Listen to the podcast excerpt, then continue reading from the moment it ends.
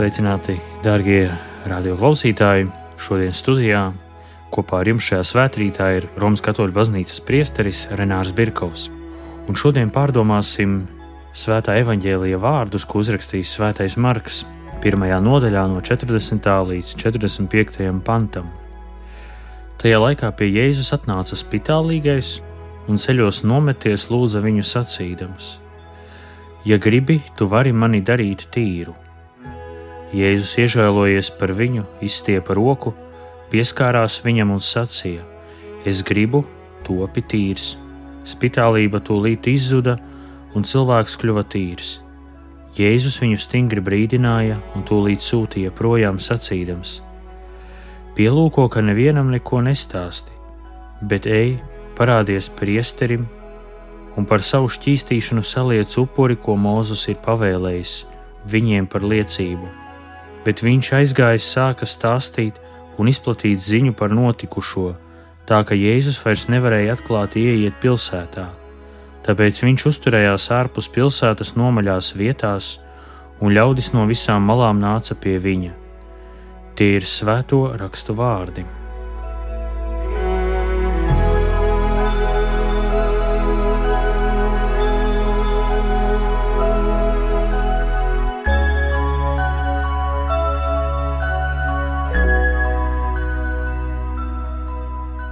Tikko dzirdētais dieva vārds mums parāda to, ka šis spitālīgais cilvēks, jeb šis slimais cilvēks evaņģēlijā, viņš tuvojās ar cerību Jēzum.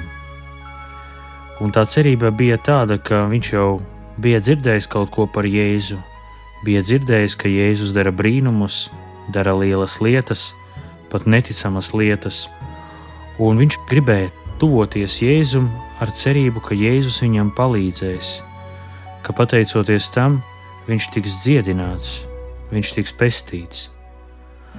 Un, lai mēs labāk saprastu šo tikko dzirdētā evaņģēlīja notikuma kontekstu, mēs varam atskatīties jau arī uz vecās derības grāmatas lapusēm, kur eh, Levītu grāmatā, jeb trešajā mūzes grāmatā, mēs dzirdējām, kas tad ir spitālīgais.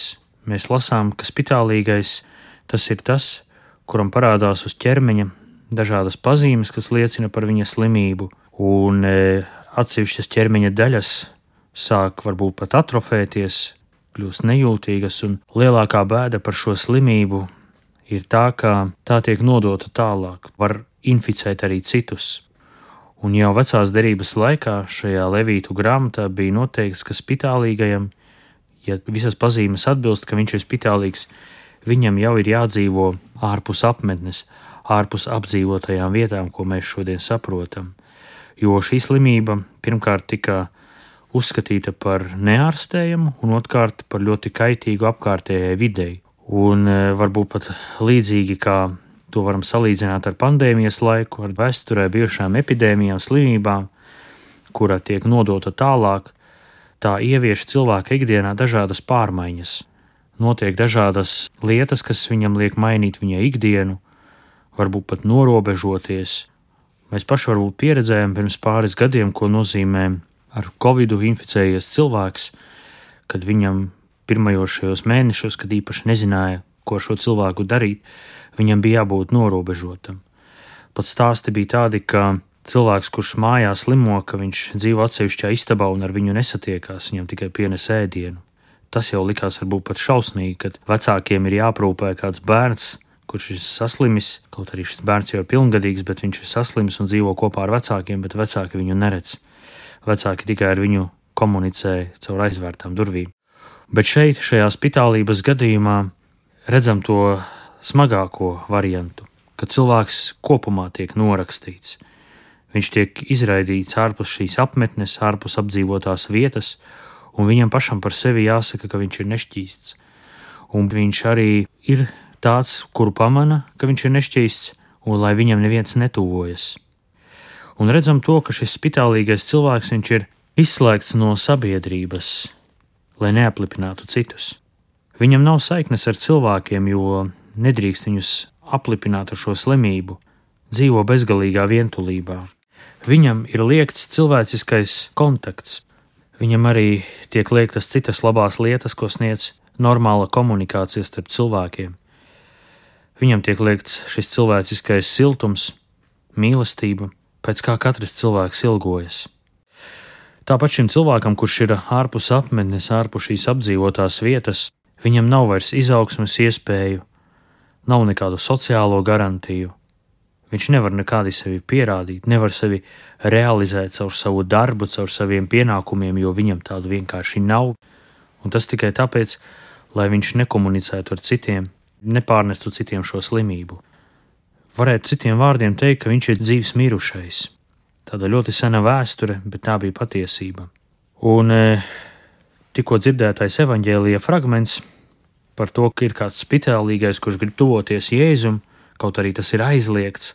Šis cilvēks, protams, grib tuvoties Jēzum, jo viņš cer, cer, ka šī tuvošanās Jēzum viņu atbrīvos, viņam palīdzēs. Un, protams, ka Jēzus ir žēlsirdīgs attiecībā pret šo slimo cilvēku, jo Jēzus ir nācis, lai dāvātu dzīvību, Tā arī ir Dieva griba dziedināt cilvēku, tuvoties Jēzum ar cerību, ar ticību, ka Viņš izglābs, un tā arī notika. Un runājot par šo tuvošanos Jēzum, mēs varam skaidrot tādas divas nozīmes. Šī pirmā nozīme ir eh, dziedināšana tiešā veidā, un otrā - tā ir garīgā dziedināšana, jeb izlīkšana ar Dievu. Un pieskarsimies nedaudz katrai no šīm. Dziedināšana tiešā veidā tas ir tas, ka Dievs mūs vienmēr dziedina. Gan tikko dzirdētajā evaņģēlijā, gan arī citos evaņģēlīja fragmentos mēs bieži redzam un dzirdam, kā Dievs dziedina, kā Jēzus dziedina kādu, kurš gadiem ilgi ir slimojis ar nedziedināmu slimību. Un e, šeit dzirdējām, ka Jēzus dziedina cilvēku, kurš bija nedziedināmi slims, kur nebija ne zāļu, ne kādu citu cerību, ka šis cilvēks varētu atgriezties normālā dzīvē. Dievs dziedina, un arī tagad Dievs turpina dziedināt. Šodien, 11. februārī, Katoļu baznīcā ir Lurdas diamātes piemiņas diena, jeb svētki, kas nozīmē to, ka 1858. gada 11. februārī diamāte parādījās Lurdā, Francijā, kādai mazai meitenītei, Bernadetei Un e, caur to notika pēc tam ļoti lieli brīnumi, kur diamāte lūdza, lai šī meitenīte izrok kā strautu, kā bedri, no kura sāka pēc tam tecēt šis ūdens. Ūdens, kam ir ļoti dziedinošs spēks. Un kopš šī laika Lurda ir viena no iecienītākajām svētceļojuma vietām, kur cilvēki plūst no visas pasaules, lai saņemtu šo dieva dziedinošo spēku. Jo ir ļoti daudzas liecības, kur cilvēki, kuri bijuši slimi, Viņi atbrauc uz šo vietu, saņem šo svētību, pienāk pie šī avota, un viņi tiek dziedināti. Bet ne tik daudz, ka tam būtu kaut kāds mistisks vai kaut kāds ar maģiju saistīts spēks, bet tur ir saistība ar ticību dievam. Tāpat arī šī spitālīgā gadījumā, kā arī šajos daudzajos dziedināšanas gadījumos Lurdā, pamatā bija cilvēku ticība. Nevis kāda maģiskā, mehāniska darbība, ka es izdarīšu to, iekāpšu šajā avotā, vai pieskaršos šim avotam, vai padzeršos no šī avota, tikšu dziedināts. Tam nebija tāda nozīme. Tā galvenā nozīme, ka cilvēks, kurš pietuvojās šim avotam, pietuvojās šai vietai, tāpat dziedināts pateicoties viņa ticībai. Pateicoties tam, ka viņš atnāca pie šī avota ar ticību dievam, ka lai notiek dieva prāts. Nevis ar maģisku darbību, ka tagad es pieskaršos, padzeršos, un tad jau viss notiks. Bet pienāca cilvēks ar ticību, ka lai notiek dieva prāts.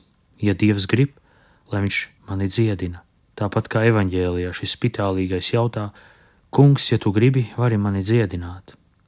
Bet varbūt, ja nenotiek šie dziedināšana tādā tiešā veidā, tad šis cilvēks ir ar stipru ticību pieņemt šos pārbaudījumus, ko viņam ir uzlikusi šī slimība. Tāpat arī baznīcā, ne tikai Lurdā, arī daudzās citās vietās un daudz citās lūkšanās ļoti daudz lūdzamies par garīgo dziedināšanu, par dziedināšanu no slimībām. Lūdzam arī par šo dziedināšanu caur svēto un svētīgo aizbildniecību. Baznīcas tradīcijā ir tā, ka daudzi svētie un svētīgie kļuvuši par tādiem, pateicoties tam, ka caur viņiem ir lūgta dziedināšana, proti ne jau šiem svētajiem, ir lūgta dziedināšana, bet tieši lūgta dziedināšana dievam caur šo aizbildniecību. Tā piemēram, viens piemērs Spānijā pagājušā gadsimtā dzīvoja tāds svētīgais Alvaro del Portillo, kurš bija pirmais opus dei prelatūras prelāts Romā. Un tad, kad viņš bija aizgājis mūžībā 94. gadā, par viņu runāja kā par ļoti svētu cilvēku, par dieva cilvēku, un ticēja, ka viņš jau ir pie dieva un ka viņš ar laiku baznīcā tiktu izsludināts vismaz par svētīgo un varētu ar savām lūkšanām pie dieva palīdzēt cilvēkiem. Un tā Madridē kādi jauni vecāki, viņiem piedzima ļoti slims bērniņš, un e, ārsti vairs nedeva šiem vecākiem nekādas cerības, un teica, ka tas ir dienas vai divu jautājums, ka šis bērniņš aizies mūžībā. Un pēc tam, kad šie vecāki vērsās pie kādiem saviem kristīgajiem draugiem, kuri ļoti labi pazina svētīgo Alvaro del Portillo, viņa garīgumu, un viņi ieteica, lai šie vecāki lūdzās uz viņa aizbildniecību, jo viņš ir tuvu pie dieva, nevis šis Alvaro, lai dziedina, bet lai dievs dziedina, bet Alvaro, kurš viņam ir tik tuvu mūžībā, lai ir tas, kurš viņam palīdz šajā lūkšanā pret dziedināšanu.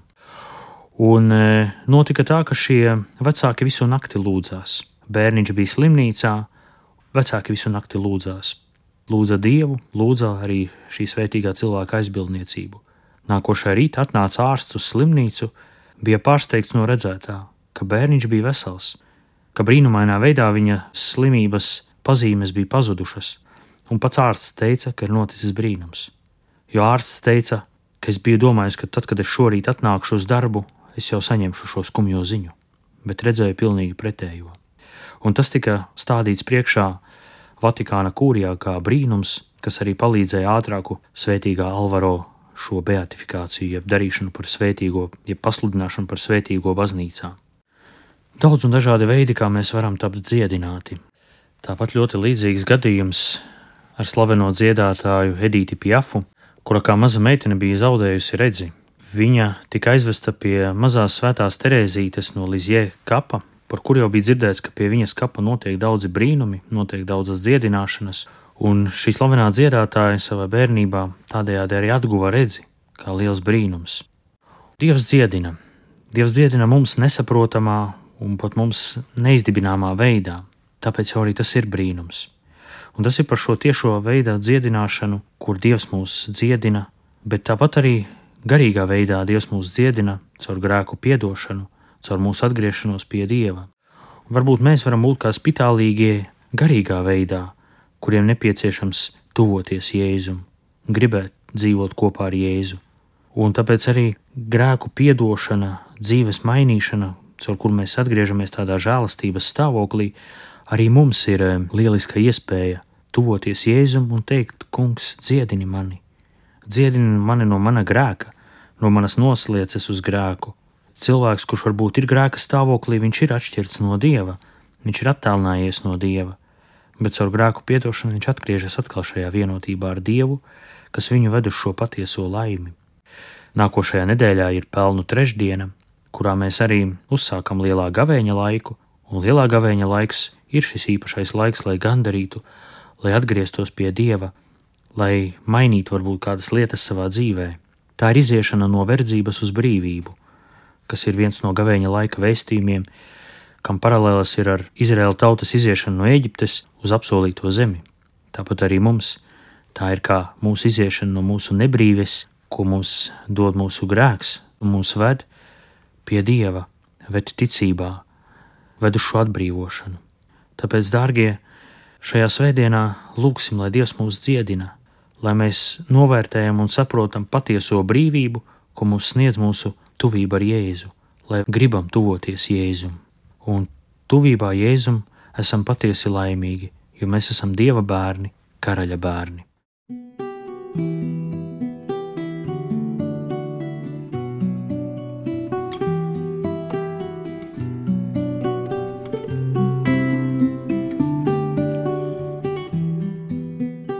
Tagad arī noslēgumā lūgsim Dievu. Dievs uzklausi mūsu lūgšanas, Tu redzi mūsu sirdis, arī redzi mūsu slimības, visu, ar ko mēs sastopamies. Redzi arī varbūt mūsu tos izaicinājumus, ar kuriem mēs sastopamies ikdienā, mūsu attiecībās, mūsu darbā. Lūdzam, Kungs, dāvā mums mieru, dāvā dziedināšanu, dāvā paļāvību uz Tevi, Palīdz mums atcerēties to, ka mēs esam tavi bērni, un kā taviem bērniem mums ir īpaša aizsardzība, īpaša vadība un īpašs apsolījums mūžībā. To mēs lūdzam caur Jēzu Kristu mūsu kungu. Amen! Svētrītā šorīt ar jums kopā bija Katoļu baznīcas priesteris Renārs Birkovs.